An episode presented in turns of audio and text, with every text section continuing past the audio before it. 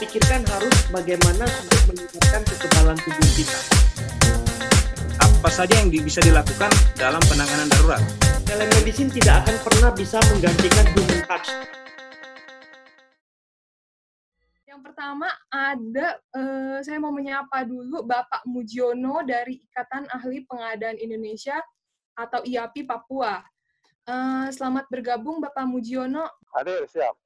Asik, oke, siap Pak. Oke, uh, selamat hadir ya Pak ya. Oke, sip. Saya lanjut ke yang kedua dulu. Berikutnya kita juga ada mengundang uh, seorang Bapak. Beliau adalah selaku Kasubag Pengelolaan LPSE pada bagian pengadaan barang atau jasa Setda Kota Jayapura menjadi salah satu fasilitator PBJ LKPP dari tahun 2017 sampai sekarang memiliki sertifikat kompetensi PPK. Ya, untuk itu saya ingin mengundang Bapak Alfeatra Rapah. Selamat siang, Pak. Selamat siang. Oke, sudah ya, Pak ya. Sehat ya, Pak ya? Ya. Sehat. Sehat. Oke, amin. Oke, lanjut. Berikutnya, saya masih punya lagi panelis. Saya mau menyapa seorang dokter spesialis jantung dan pembuluh darah, konsultan kardiologi intervensi. Nah, beliau ini juga sebagai dokter spesialis jantung dan pembuluh darah di Rumah Sakit Awal Bros, Baru, dan terhimpun dalam Perhimpunan Dokter Spesialis Kardiovaskular Indonesia, yaitu akan bergabung dengan kita Dr. Dasdo Antonio Sinaga. Halo dokter, apa kabar dokter? Selamat pagi. Ya, pagi dok. Sehat ya dok ya? Sehat, sehat. Sehat, oke, amin. Oke, lanjut lagi. Masih banyak Bapak Ibu. Berikutnya, saya juga akan ada seorang uh, Bapak um, beliau selaku ketua komunitas sales Indonesia, beliau juga ternyata sebagai agency director dari Prudential. Nah, keahlian beliau itu jadi di bidang sales dan juga financial itu udah nggak perlu lagi diragukan, yaitu Bapak Indra Hadi Wijaja. Sudah bergabung, Pak? Selamat pagi, Mbak Vera. Selamat pagi, teman-teman semua. Pagi, Pak. Selamat pagi. Oke. Baik, selanjutnya uh, saya juga uh, mau menginfokan bahwa kita juga kedatangan seorang CEO dari Halosis, yaitu Halosis itu apa sih? Mungkin bagi Bapak Ibu yang belum pernah dengar gitu ya. Jadi Halosis itu membantu para, para pelaku UMKM, khususnya usahawan wanita yang berjualan lewat media sosial dan membalas chat pelanggan secara otomatis dan meningkatkan penjualan usahanya dengan teknologi AI seperti asisten virtual berjualan di sosmed menjadi lebih cerdas, cepat, dan cermat. Jadi Halosis juga sudah menerima beberapa penghargaan seperti dari Gojek yang diberikan oleh Pak Jokowi dan Bapak Nadiem Makarim untuk role-nya dalam mengembangkan UMKM Indonesia dengan teknologi. Luar biasa sekali karena kita hari kedatangan CEO-nya langsung yaitu Bapak Andrew Darmadi Hendrawan. Oke, okay, thank you. Oke, okay, nah ini dia. Tadi saya nggak boleh ngomong.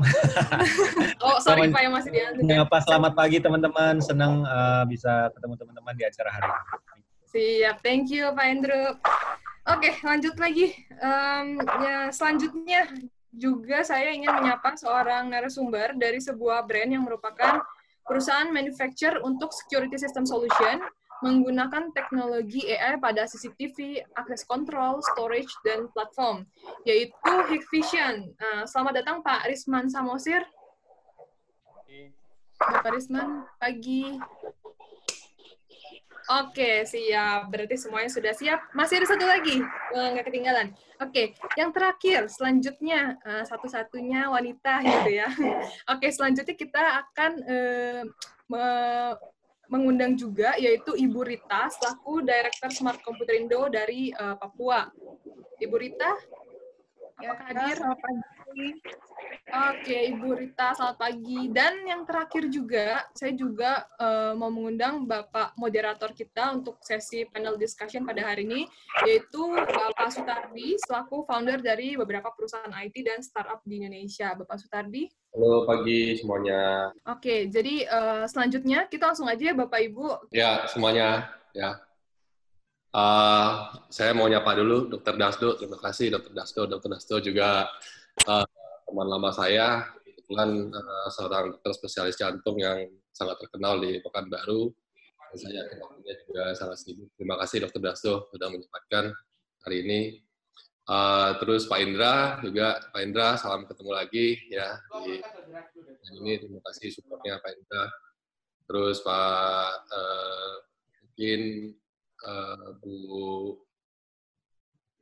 ada Bu Supija juga di sini terus ada Bu ini berita dari Papua ya, terima kasih supportnya uh, Pak Komterindo juga untuk event ini Terus uh, Pak Andrew, salam kenal Pak Andrew. Halo Pak Andrew. Ya, terima kasih Pak Andrew untuk uh, last minute juga bisa bantu kita di event ini. Ya. Uh, Pak Risman, thank you supportnya dari Vision. Ya. Um, mungkin itu. Pertanyaan pertama saya mau uh, ngobrol dikit dengan Dr. Daston. Ini pertanyaan sebenarnya agak sedikit uh, uh, mengenai uh, olahraga ya. Dr. Dasto juga seorang triatlet ya saya mau nanya dikit nih dok sebenarnya kadar olahraga yang eh, benar itu di saat pandemik ini bagaimana ya berapa lama dan eh, sebenarnya olahraga itu harus intens atau enggak karena kan kita tahu dok dok, dok olahraga itu kan juga bisa meningkatkan imun tubuh tapi kalau saya baca-baca kalau misalnya terlalu over juga tidak bagus gitu Terus ada beberapa pandangan mengenai jam olahraga yang benar itu jam berapa gitu. Apakah sebelum jam 8 pagi atau di atas jam 10 pagi? Ada yang mengatakan bahwa kita di daerah Katulistiwa, jadi yang benarnya itu bukan di atas jam 10 pagi, tapi di bawah jam 10 pagi gitu. Kira-kira gimana tanggapannya, dok? Ah, terima kasih uh, Pak Sutardi. Perkenalannya itu humbling banget tentang olahraga ya dan kita hubungkan dengan kondisi COVID-19 sekarang apa pun yang kita buat sekarang ya di masa-masa ini tentang makanan, nutrisi, kebiasaan, jam istirahat, kita harus selalu pikirkan semua yang kita pikirkan harus bagaimana untuk meningkatkan kekebalan tubuh kita. Yang paling sederhana, orang tahu kalau kita mau uh, punya tubuh yang fit, yang bugar, istirahatnya harus cukup. Jadi ini bukan waktu yang baik untuk begadang. Ini bu, uh, bukan waktu yang terlalu baik untuk misalnya nonton drama Korea sampai jam 3 pagi, tapi jam 7 harus bangun lagi, harus ah, itu, nah itu karena besoknya pasti badan kita nggak nyaman, pasti akan uh, terjadi penurunan uh, kekebalan tubuh. Kalau secara khusus um, kita berbicara tentang olahraga, olahraga yang baik pada masa ini adalah olahraga dengan intensitas ringan sampai intensitas sedang buat pecinta olahraga mungkin paham ya. Jadi intensitas ringan sampai intensitas sedang. Kalau uh, secara lebih detail saya jelaskan adalah olahraga itu kekuatannya, tingkatannya itu kita bisa bagi berdasarkan uh, intensitasnya atau uh, tingkat kelelahan tubuh kita.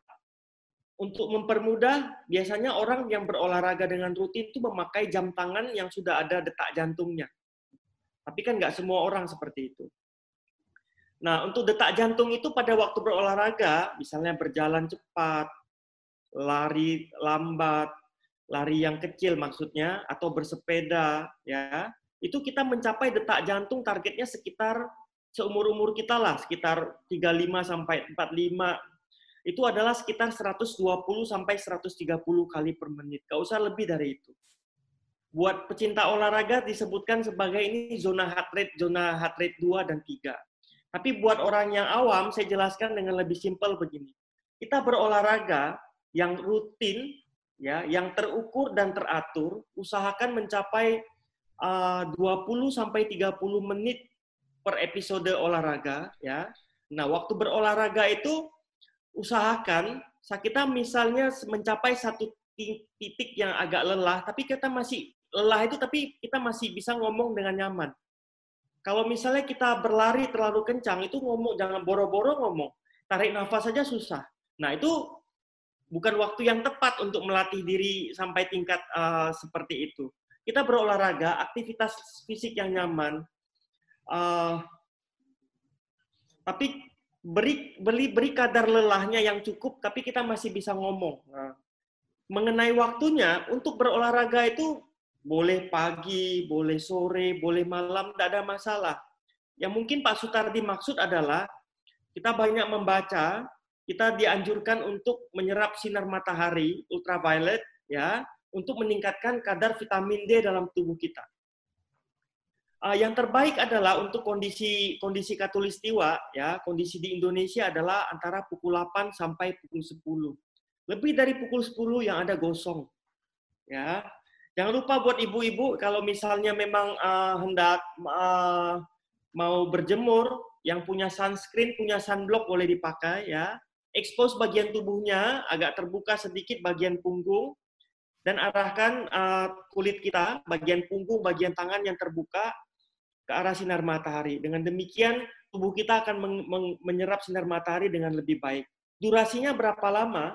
Anjurannya adalah kalau yang belum pernah mulai dengan 5 menit, tapi kalau yang udah terbiasa pertahankan 10 sampai 15 menit per kali selama tiga kali seminggu. Kira-kira gitu. Oke, informatif sekali dokter. Ya, jadi memang kalau kita ngomongnya itu harusnya harus nyaman ya dok ya. Yang ya, penting nyaman. Setelah olahraga masih bisa ngobrol, masih bisa ketawa-ketawa ya. Jangan sudah ya. olahraga tuh mukanya pucat gitu dok ya. Oke, okay. thank you dokter. Ya. Uh, ini ada pertanyaan juga dari ini, tapi sebelum masuk ke pertanyaan ini, saya mau tanya ke uh, ini Pak Petra. Tadi Pak Petra sampai menyampaikan bahwa sebenarnya pengadaan yang sekarang itu bisa diadakan uh, tanpa HPS, Pak. Berarti tanpa uh, kalau HPS itu harga perkiraan sementara ya, karena kalau kalau setahu saya kan pengadaan itu sebelumnya harus ditentukan dulu HPS-nya berapa, terus dari beberapa, bukan hanya cuma HPS, biasa harus ada beberapa HPS. Nah, pengadaan yang tanpa HPS ini apakah berlaku untuk semua eh, pengadaan, semua jenis pengadaan, atau hanya pengadaan yang berhubungan dengan COVID-19, Pak? Oke, Pak. Oh, saya jawab sekarang, Pak ya? Ya, silakan, Pak.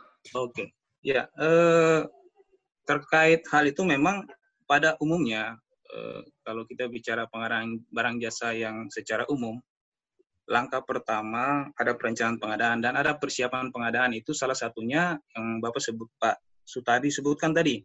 PPK menyusun harga perkiraan sendiri atau biasa kita singkat HPS. HPS pun disusun berdasarkan hasil survei. Jadi HPS itu sebenarnya batas tertinggi suatu kompetisi. Jadi misalnya kalau dikompetisikan, ditenderkan, itu batas tertinggi. Jadi kemungkinan kalau survei HPS-nya ini benar, pastinya eh, tidak akan terlalu murah yang menawar atau bahkan tidak ada yang menawar karena mungkin HPS-nya terlalu rendah. Tidak ada yang menawar jadi rugi. Seperti itu. Itu prinsip awalnya sebenarnya HPS. Nah, jadi jadi setiap pengadaan barang jasa yang normalnya itu menyusun HPS yang melalui penyedia. Nah, sekarang kenapa e, menjadi tidak perlu, bukan tidak perlu, tidak harus membuat HPS. Ini karena ada surat edaran LKPP tadi Pak, nomor 3 tahun 2020. Jadi kalau di dalam penanganan darurat tersebut, di situ sudah disebutkan bahwa walaupun belum ada harga perkiraan, bukan HPS, malah harga perkiraan, PPK bisa menunjuk penyedia hanya untuk pengadaan COVID. Pengadaan dalam hal penanganan COVID. Pengadaan-pengadaan dalam penanganan COVID tentunya uh, tidak semua pengadaan. Itu mungkin bisa dilihat dari beberapa aturan yang lain. Mungkin kalau kita bisa lihat dari gugus tugas, ada surat edaran dari Menteri Dalam Negeri terkait apa saja yang bisa dilakukan dalam penanganan darurat. Misalnya pengadaan alat kesehatan, kemudian eh, bahan makanan mungkin. Nah itu sudah dituangkan di dalam eh, aturan terkait barang-barang mana pengadaan apa saja yang masuk kategori penanganan COVID. Bahkan konstruksi juga ada. Konstruksi yang dalam penanganan COVID. Mungkin nanti uh, sambil menjawab juga pertanyaan dari Kabupaten Puncak Jaya, bahwa hati-hati untuk kita menentukan bahwa pekerjaan konstruksi itu merupakan penanganan COVID. Tidak semua konstruksi merupakan penanganan COVID. Kalau kita melihat peraturan LKPP nomor 13 terkait penanganan darurat, eh, jadi ada aturan sebelum surat edaran ini keluar sebenarnya. Untuk konstruksi, itu yang sifatnya sebenarnya semi permanen atau tidak permanen. Kalaupun mau permanen, dia harus cepat. Kalau kita tahu ada eh, di Cina ya, di Wuhan, membangun rumah sakit yang hanya dalam waktu 14 hari kalau nggak salah. Nah, itu bisa. Kalau mau permanen. Tapi kalau yang butuh waktu berbulan-bulan, itu bahasa daruratnya hilang. Itu bukan darurat lagi berarti. Jadi tidak masuk kategori kalau kita bicara konstruksi. Jadi tidak semua pengadaan ini dikategorikan bahwa tidak perlu APS. Jadi hanya untuk pengadaan dalam penanganan COVID-19. Dan itu juga diperkuat dari surat edaran LKPP nomor 3. Bunyinya memang seperti itu, Pak. Jadi uh, memang bagi teman-teman semua, hati-hati dalam uh, melihat bahwa ini penanganan COVID. Ini penanganan COVID atau bukan? Ini yang harus hati-hati karena tidak semua pengadaan itu merupakan penanganan COVID. Jadi uh, harus lihat uh, beberapa, beberapa aspek, terutama yang konstruksi, karena konstruksi kan perlu waktu. Misalnya bangunan tadi ada yang tanya, sambil menjawab mungkin seperti itu Pak. Jadi tidak semua pengadaan, cuma pengadaan dalam penanganan COVID. Itu saja Pak. Baik Pak, baik. Jadi memang hanya dikhususkan untuk uh, pengadaan yang langsung berhubungan dengan uh, uh, penanganan uh, bencana COVID-19 ya, ya Pak ya. Dan Jadi, tidak menutup kemungkinan uh, kita kan nggak tahu nih berkepanjangan seperti apa. Bisa saja pengadaan yang lain, contoh ya, ini ber, eh, kita sekarang masih berpatokan pada di, di bidang kesehatan. Besok mungkin di pendidikan. Bisa saja di eh, ke depan, di ke depan, untuk eh, dalam hal ini ada kebijakan yang mengeluarkan bahwa mungkin arahnya kayak online, mungkin saja dari sisi yang waktu yang panjang. Nah, mungkin saja pengadaan-pengadaan yang di luar daripada kesehatan bisa saja.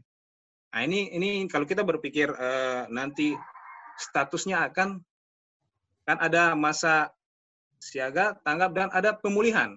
Itu semua masuk masuk dalam penanganan darurat.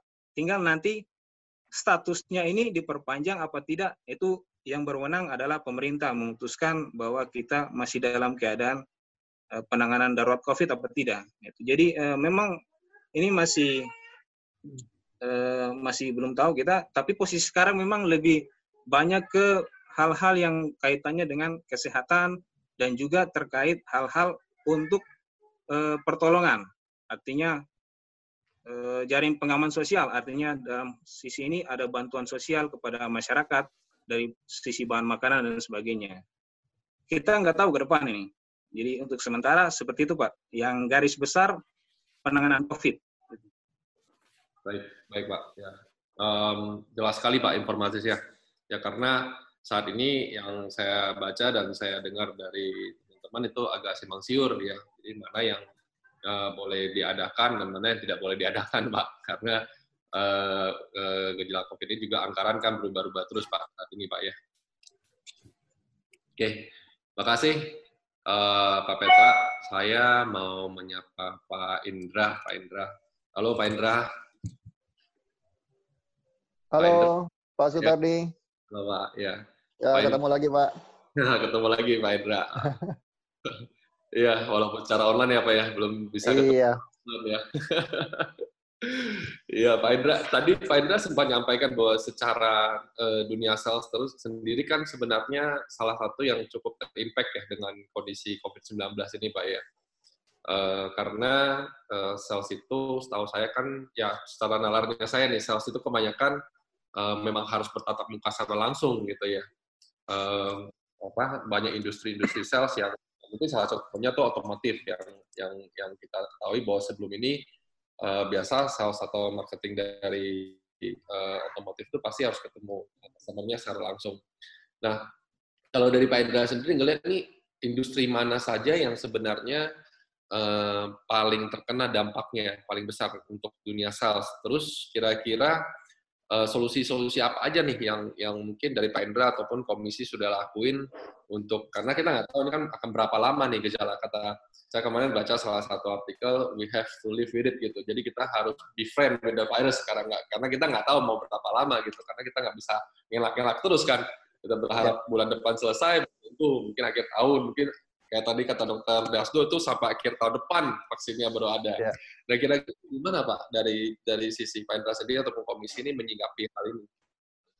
Ya, thank you Pak Sutardi. Memang sekarang-sekarang ini eh, masa-masa uh, yang seru sih kalau untuk dunia sales ya, karena biasanya uh, orang-orang sales itu katanya adalah nggak boleh di kantor, karena kalau di kantor itu nggak ada duitnya gitu ya, jadi harus jualan, harus keluar jam 10 pagi itu udah tendang-tendangin keluar kantor. Nah sekarang bukan hanya nggak bisa di kantor, tapi harus di rumah malah.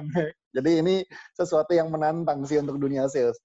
Uh, tadi pertanyaannya adalah dunia mana saja yang terdampak. Kalau menurut saya hampir semuanya terdampak. Tapi dampak ini bisa dilihat dari dua sisi. Bisa sisinya sisi negatif dan sisi yang positif. Ada nggak yang sisi positif karena COVID? Ada. Industri alat kesehatan luar biasa gitu kan ya. Naiknya gila-gilaan. Terus kemudian industri-industri yang berhubungan dengan kesehatan juga yang tadinya orang-orang tidak tidak apa tidak aware dengan vitamin dengan olahraga. Tadi Pak Tari juga nanya-nanya tentang olahraga pagi gitu ya. Itu jadi uh, makin apa makin aware makin sadar gitu orang dengan dengan dengan kesehatan. Nah sekarang cuma tantangannya adalah gini. Tantangannya adalah yang pertama adalah daya beli daya beli masyarakat. Yang pertama orang-orang itu banyak sekali di era seperti ini karena tadi banyak ketidakpastian jadi si retail ini memang sangat-sangat terpengaruh sih kalau menurut saya karena orang yang punya duit menahan pembelian, yang mau beli nggak boleh ketemuan. Jadi apa namanya agak-agak menantang. Nah dari kita sendiri kita melihat bahwa sebenarnya sales itu tetap bisa terjadi. Dalam artian gimana? Dalam artian eh, orang-orang bisa jualan dengan dua cara, dengan dengan cara online maupun cara offline. Selama ini mungkin kita terbiasa dengan cara-cara offline. Jadi harus ketemu, harus tatap muka, dan lain-lain. Nah, tapi sekarang ini sebenarnya online bisa dan sangat-sangat bisa untuk dilakukan. Contohnya adalah apa? Contohnya adalah Zoom meeting kita sekarang ini yang tadinya untuk ketemuan kita perlu menyisikan waktu, kemudian kita perlu pergi ke tempatnya, kita perlu macet-macetan dan lain-lain. Nah sekarang ternyata dengan Zoom ternyata kita bisa ketemuan, kita bisa ngobrol, kita bisa diskusi, bisa tatap muka bahkan gitu ya. Nah jadi ini sebenarnya adalah menggunakan teknologi. Apalagi dong yang perlu kita lakukan? Yang perlu kita lakukan yang lain adalah bagaimana caranya di era COVID ini orang-orang yang tadinya nggak bisa ketemu, kita tetap bisa ketemuan, kita bisa ngobrol-ngobrol, dan uh, mereka jadi punya lebih banyak waktu. Nah, lalu kemudian apa lagi? Lalu kemudian adalah bagaimana tetap keep contact, keep contact dengan customer-customer kita. Saya punya banyak list nama yang mungkin kemarin-kemarin sudah cukup lama nggak bisa dihubungin atau eh, nggak uh, sempat untuk hubungin. Nah, sekarang kita bisa hubungan lagi. Nah, ini adalah sebuah kesempatan untuk orang-orang sales supaya apa? Supaya tujuannya adalah gini, kita nggak bisa merubah keadaan. Keadaan COVID, keadaan uh, pandemi, keadaan PSBB ini kita nggak bisa rubah. Tapi yang perlu kita lakukan, kita hanya perlu adalah memfokuskan pada apa yang bisa kita lakukan sekarang. Jadi kalau buat saya, saya bilang adalah yang bisa kita lakukan sekarang adalah keep contact. Tujuannya apa? Pada saat kondisi semua normal, maka mereka akan ingat sama kita mereka akan ingat pada barang-barang kita. Mereka akan ingat pada produk-produk yang kita inginkan. Dan kemudian menarik juga untuk melihat berbagai industri itu punya apa namanya punya strategi yang berbeda-beda. Kemarin BMW sudah jualan lewat Tokopedia gitu ya. Jadi mau beli mobil sekarang lewatnya adalah Tokopedia.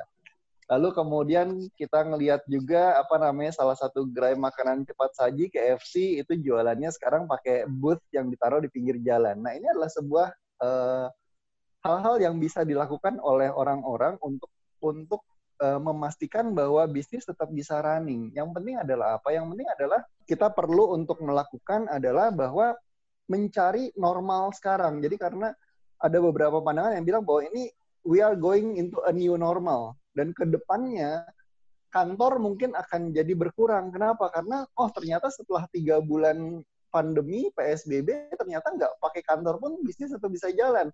Mungkin ini adalah normal barunya kita. Mungkin Zoom meeting kita akan lebih sering terjadi karena ke depannya udah nggak visible lagi untuk jauh-jauh macet-macetan dan lain-lain semuanya jadi serba online. Nah itu sih Pak Pak Sulari yang dari dari saya sih melihatnya seperti itu Pak Sulari. Oke oke menarik sekali Pak Hendra. Jadi kalau saya bisa simpulkan sebenarnya mungkin kalau dulu nih jualannya uh, kalau nggak tatap muka itu dianggap kurang sopan ya Pak ya. Tapi kalau zaman sekarang mungkin kalau misalnya mau jualan pun melalui Zoom tetap bisa karena sudah dianggap the new normal gitu ya Pak ya. Yes, nah, betul sekali. Ya, betul. Terus uh, uh, poin yang paling penting itu adalah bahwa uh, keep contact ya, keep moving and don't die menurut saya. Kalau di masa pandemi ini ya uh, tetap harus bergerak terus kitanya, nggak mungkin kita berdiam diri karena kalau kita berdiam diri ya uh, akan kegerus juga nantinya, ya Pak. Yes. Oke, okay, thank you Pak Indra. Uh, saya mungkin mau ngelingin sama Pak Andrew nih. Pak Indra kan sudah menyampaikan beberapa uh, kondisi di saat uh, uh, pandemik ini untuk dunia sales. Nah, kira-kira dari Pak Andrew nih, teknologi AI apa saja yang bisa membantu dunia sales nih Pak di saat ini? Terus eh, mungkin di apa saja? Terus tadi uh, Pak Andrew kan uh, sangat fokus nih di di di apa di market Indonesia dan bahkan sudah mendapatkan award dari Pak Jokowi untuk halosisnya. Nah, kira-kira solusi dari halosis bagaimana nih untuk teman-teman kita yang di dunia sales? Oke, makasih uh, Pak Sutardi. Uh, pertanyaannya uh, bagus sekali ya. Saya juga dari tadi kepingin menyambungkan ke topik teman-teman semua nih. Jadi kalau dari teknologi AI, mungkin dari contoh saya seperti tadi ke Ayu ya, mungkin bayangannya kalau teman-teman uh, ngebales di sosial media, itu yang tadi pertanyaan-pertanyaannya ataupun data-data semua itu semua udah kerekap secara otomatis. Jadi dari data pelanggannya semua udah kerekap secara rapi, data produk inventory-nya juga udah nggak perlu dicek lagi. Uh, memang kalau lagi ready, ready. Kalau udah sold out, ya sold out.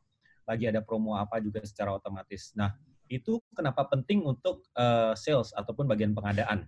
Ya, mungkin kalau di, dikoneksikan ke bagian pengadaan, yang pastinya kalau inventory-nya nggak ada dan harus uh, eh, PO dan apalagi PO-nya jangka panjang ya pasti harus ditunjuk ke provider lain, ke vendor lain yang barangnya ready. Apalagi kalau proyeknya dalam jangka waktu dekat.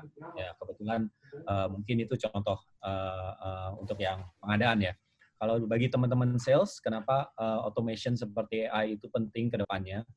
Uh, karena itu akan meningkatkan dari brand dari perusahaan Anda dan customer satisfaction Ya, gimana kalau zaman sekarang ya, uh, mungkin teman-teman kerasa pada saat belanja kita itu nggak sabaran karena semuanya serba instan. Bayangin aja, nggak usah pas belanja deh. Kalau kita nge-message teman-teman kita, beberapa menit nggak dibalas, kita udah mulai bertanya-tanya nih, ya, kenapa ya? Gitu. Apalagi kalau biasanya udah langsung dibalas ya. Ini kalau belanja itu lebih lebih nggak sabaran lagi. Nah, itu dengan ada uh, research 90% itu transaksi uh, kemungkinannya akan jadi tercapai kalau dibalas di dalam dua menit. Kalau di atas dua menit, dia akan malah shopping around. Ya, jadi balik lagi ke teman-teman sales, mungkin kalau yang lagi kontak-kontakan ya pasti juga oke okay, ya kan uh, on WhatsApp terus nih uh, teman-teman Pak Indra udah pasti kan uh, ataupun yang teman-teman yang lagi uh, nge-pitch uh, proyek uh, seperti itu kan pasti uh, hands on uh, banget nih. Nah, itu di mana fungsi salah satu fungsi AI. Uh, mungkin bukan untuk menggantikan fungsi manusia, tapi untuk membantu supaya kita bisa lebih efektif. Yang tadinya hanya bisa ngelayanin beberapa pelanggan, sekarang mau ratusan ribuan pun juga bisa gitu sih. Dan uh, mereka pelanggan-pelanggan itu juga uh, balik lagi bisa terlayani dan puas dan uh, mendapatkan jawaban-jawaban yang uh, mereka cari dengan cepat. Seperti itu sih. Uh, contoh AI-nya sebenarnya banyak sekali, tapi saya berusaha uh, sambungkan dengan topik hari ini seperti itu. Oke, menarik sekali ya.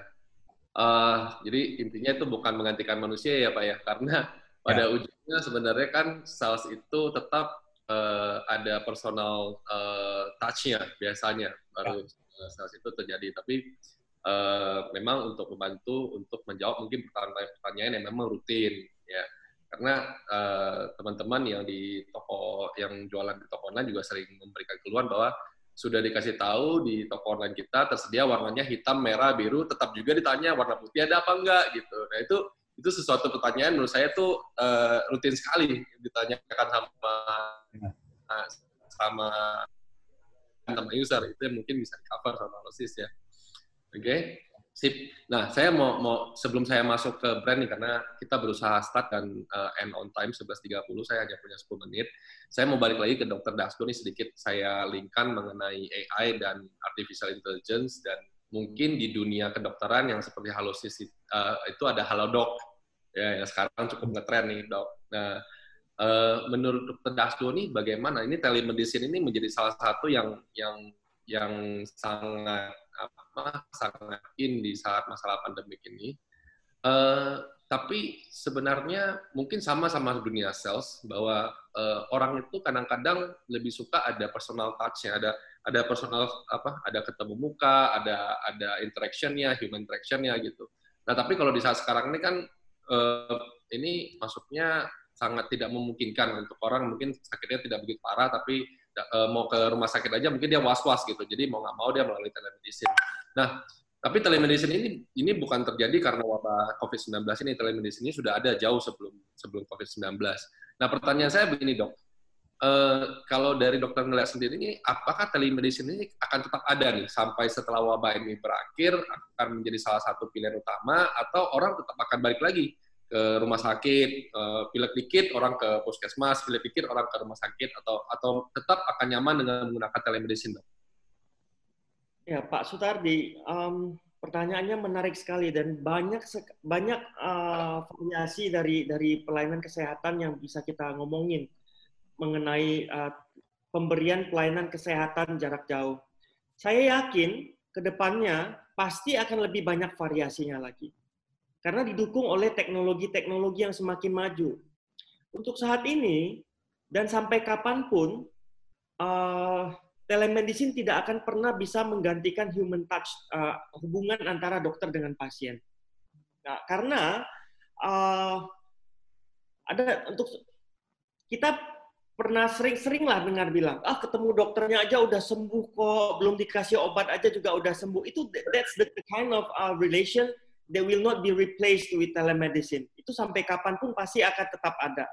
Walaupun nanti nilainya, value-nya akan bergeser hari lepas hari. Uh, kita bisa berdebat di titik ini bahwa dokter masih harus memeriksa. Dokter masih harus menaruhkan stetoskop ke dalam dada jantung pasien, ya.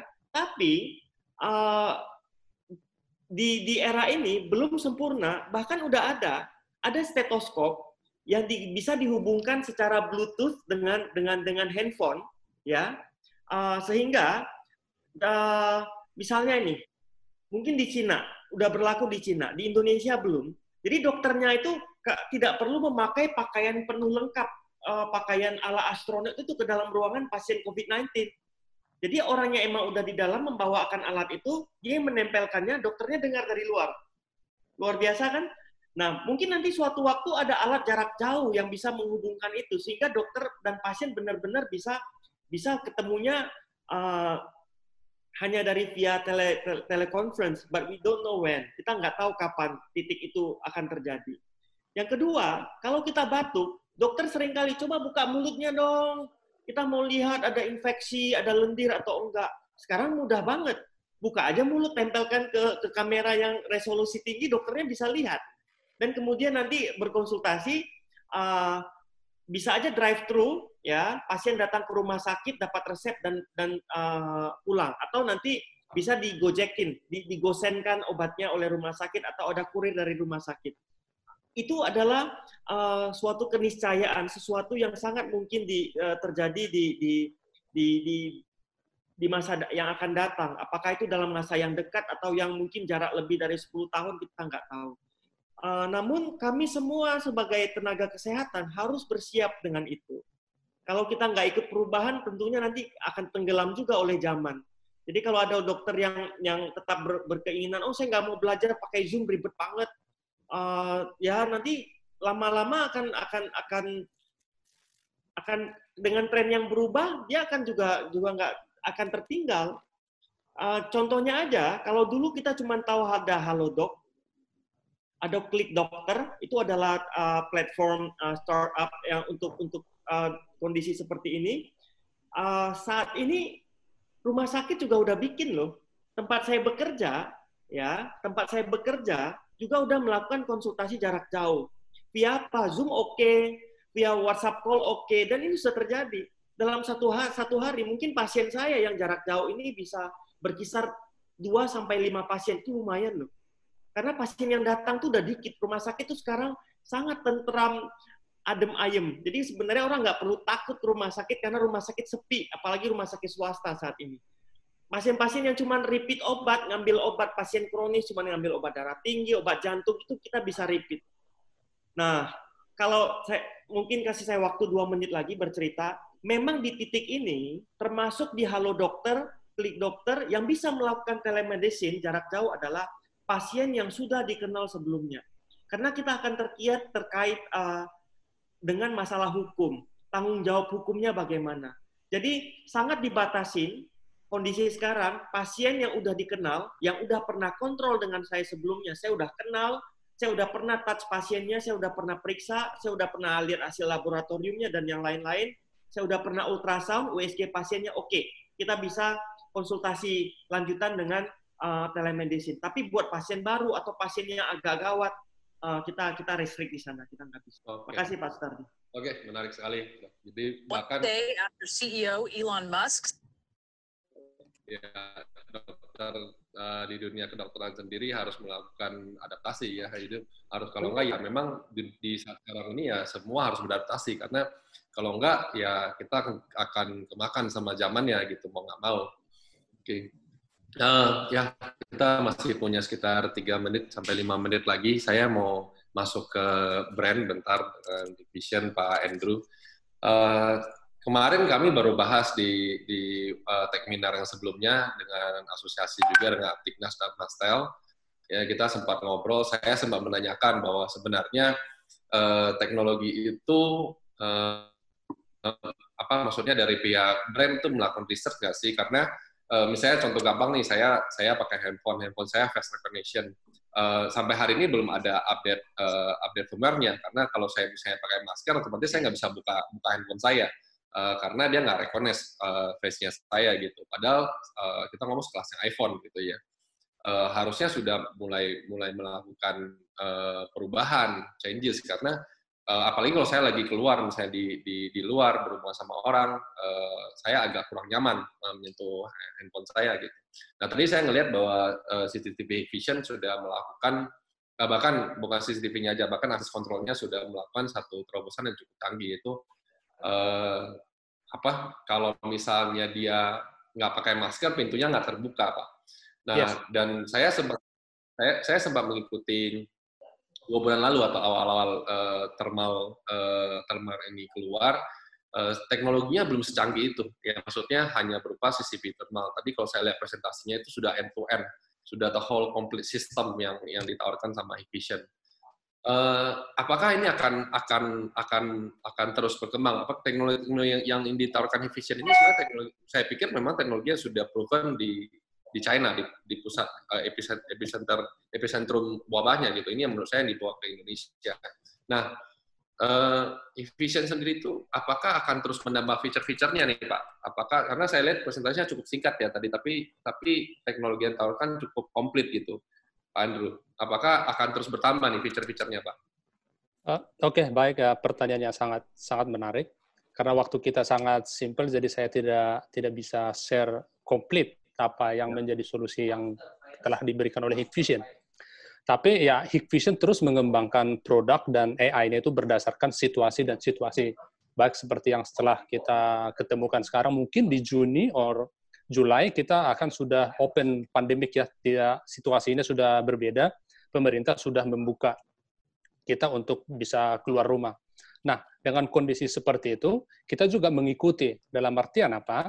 Uh, walaupun bisa kita bisa keluar ruang, keluar ruangan atau keluar rumah, bertemu dengan yang lain, kita juga dianjurkan tetap menggunakan masker dan tetap kita harus jaga jarak. Nah, dengan mengikuti suatu situasi tersebut, seperti tadi pertanyaan Bapak, Hikvision juga mengembangkan uh, sistem untuk menghadapi situasi itu. Artinya, kita bisa mengetahui jarak setiap orang. Kita bisa mengetahui berapa jumlah orang di dalam ruangan. Oke, okay? uh, kita bisa mengetahui secara real time suhu orang tersebut di dalam ruangan karena alatnya kita mampu mendeteksi setiap suhu orang sampai maksimum 30 orang sekali deteksi dengan akurasi 0,5 derajat Celcius yang tadi saya sebutkan, plus minus 0,5 derajat Celcius, sesuai dengan anjuran dari National Institute of Meteorology China. Karena virus ini ditemukan berawal dari China dan di dan di, uh, diperiksa dan diteliti oleh uh, tim uh, ahli di China bahwa dengan plus minus uh, dengan uh, suhu plus minus dengan akurasi 0,5 derajat itu sudah bisa menentukan apakah si orang tersebut memiliki suhu yang tidak normal atau tidak. Misalnya contohnya pemerintah atau WHO menyebutkan atau menyarankan suhu 37.5 itu sudah dianggap tidak normal. Nah, dengan kondisi seperti itu, proses penyaringan tahap awal dengan menggunakan teknologi yang tidak perlu kontak fisik itu sangat-sangat membantu pemerintah atau sangat membantu kita semua. Bayangkan kalau kita mendeteksi suhu dengan menggunakan termometer air raksa, termometer telinga, atau uh, termometer gun, itu sangat-sangat tidak efektif. Bahkan uh, akurasinya plus minus 2 derajat. Itu sangat-sangat tidak efektif. Dengan melalui penelitian yang dikembangkan oleh Hikvision dan bekerja sama dengan para ahli di China, maka kita mengembangkan sistem yang kita tidak perlu kontak fisik. Yang kita hadapi ini adalah uh, kita tidak ta, kita tidak melihat apa yang kita hadapi, tapi kalau kita kontak fisik, maka kita akan secara cepat menyebarkan virus tersebut. Nah, itu yang dikembangkan oleh Vision dari uh, situasi pandemik dan pasca pandemik kita terus mengembangkan teknologi tersebut. Oke, okay, thank you. Oke, okay, thank you Pak.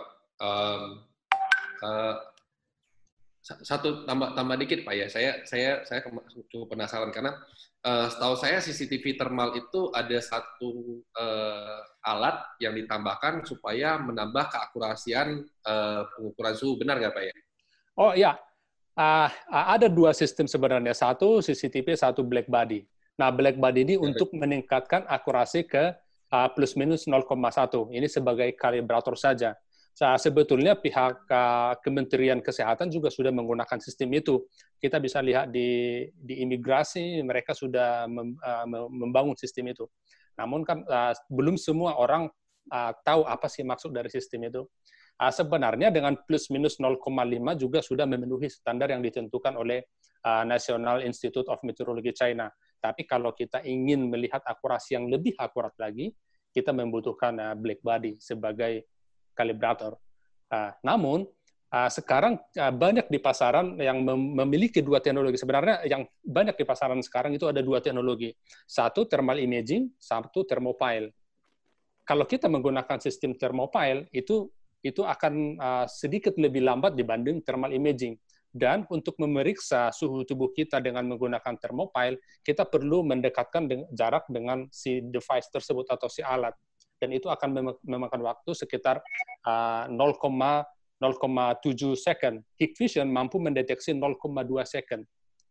Itu perbandingan dari kecepatannya. Dan mampu mendeteksi, jadi kalau menggunakan thermopile, itu tidak bisa mengintegrasikan AI face recognition dan AI uh, deteksi suhu tubuh. Thermal imaging antara thermal imaging dan face recognition itu bisa saling terintegrasi. Jadi pada saat suhu saya dideteksi, maka si, si face recognition akan mengetahui bahwa itu adalah suhu tubuh saya dengan nama misalnya contohnya nama Risman, suhu tubuhnya sekian. Itu bisa dideteksi, di, dilakukan dan dimasukkan ke dalam database. Jadi sehingga ketika kita mau melihat data, misalnya contohnya ada orang yang terdeteksi suhunya tidak normal, kita bisa melihat playback atau kita bisa melihat data yang sudah direcord oleh face recognition dan thermal imaging tersebut. Jadi kita tahu suhu si A yang masuk adalah sekian, suhu si B yang masuk adalah sekian. Jadi kita memiliki data. Tapi kalau kita menggunakan thermopile atau termogan, kita tidak memiliki data sama sekali. Gone, hilang. Ya, itu kelebihan yang dikembangkan oleh Hikvision.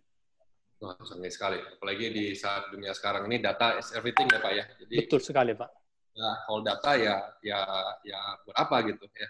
Ya, ya saya uh, mengikuti perkembangan teknologinya dari awal sejak wabah ini dan uh, cukup surprise cepat sekali Vision itu ber uh, apa ber inovasi.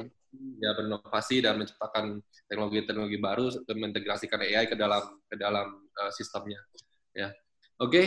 uh, terakhir saya uh, mau coba uh, nyapa Burita uh, Burita sendiri uh, untuk uh, solusi vision ini saya yakin sudah ada di Smartcom Terindo ya Bu ya. Jadi kalau mungkin bagi dinas-dinas atau mungkin bagi kantor-kantor pemerintahan, uh, apalagi ini setelah wabah berakhir pasti uh, kemarin kita sempat bahas bahwa nggak nggak semua bisa WFH gitu. Karena uh, kantor pemerintahan atau dinas itu lebih banyak public service-nya. Mau nggak mau mereka harus buka harus uh, balik lagi ke kantor dan harus menerima masyarakat uh, untuk memberikan public service Uh, ini semua bisa di, di uh, teknologi vision ini semua bisa di purchase melalui katalognya Smart Terindo. Benar ya Bu Rita ya? Betul. Bisa Pak Sutardi, udah siap ada di situ.